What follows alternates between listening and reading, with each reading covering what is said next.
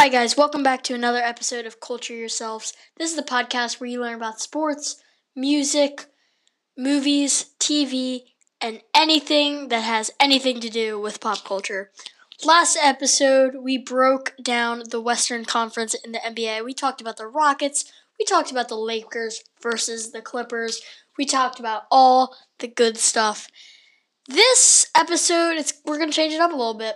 We're going to talk about the Eastern Conference the Eastern Conference is really, really interesting this year because a lot of people are saying that, well, they have no shot because the Western Conference is so stacked this year.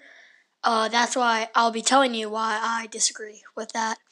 And a lot of just other stuff this episode, so it's going to be a great episode. Listen in.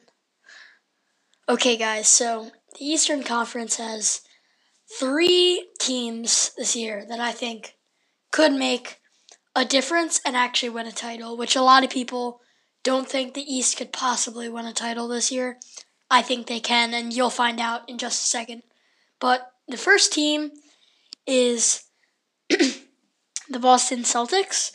The Boston Celtics, as you know, they've they've been an okay team in the past couple years. This year might be one of their better years. I mean, uh, definitely, definitely getting. It was good getting Kyrie out. He definitely was not a fit with the rest of the team. Kemba, he he's gonna be great coming off a great season, and his Kanter at the center, he's gonna be very, very good. They they have a strong they have a strong team. Definitely not number one or two. I'd put them as number three in the conference, possibly number four. Uh, Orlando, or sorry, not sorry, I don't know what I'm saying. Indiana. Indiana has a great roster this team. I think that's going to be a battle for number three, Indiana versus uh, Celtics. I don't know. Right now, I have to give it to uh, Indiana. I think Indiana has a great team. Victor Oladipo, incredible player. Um, they they just have a great squad this year. They're always a threat. Um, but uh, so the top two teams of course, everyone knows Milwaukee Bucks. Great team. Giannis, he's a beast.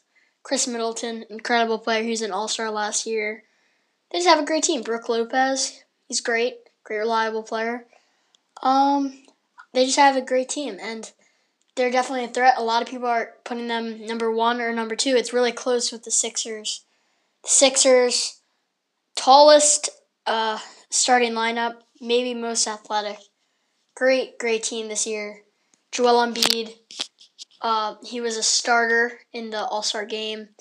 Ben Simmons has a lot of potential. He was a bench player in the All Star game. Tobias Harris is great. Him and Jimmy Butler did not work too well together last year. Good to see Jimmy Butler gone. Josh Richardson and Tobias will work very well together. It's going to be an interesting year. It's really, I personally would put the Sixers above Milwaukee. Um, but it's really close. Here now, a lot of people are saying like this, like this is irrelevant. You know, like uh, the Clippers or like a team in the West are gonna win a championship this year. I don't think that's true. I mean, probably, but there's a chance for the East. Here's why. Um, well, the West, there's so many great teams that I think that players are going to get tired. There's going to be injuries. People, their teams aren't always going to work.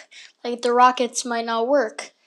Um, a lot of teams just might not like go together. There's going to be injuries.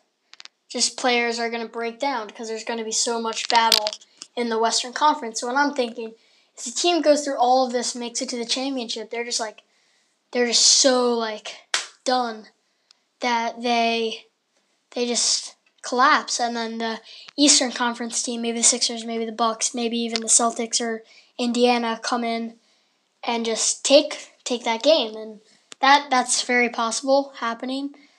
Right now, I'd have either the Sixers, the Clippers winning a championship this year. I don't know. It's going to be a great year this year. Very interesting. Very, Great teams all around the board. Well, guys, that was today's episode. Hope you enjoyed. See you next time.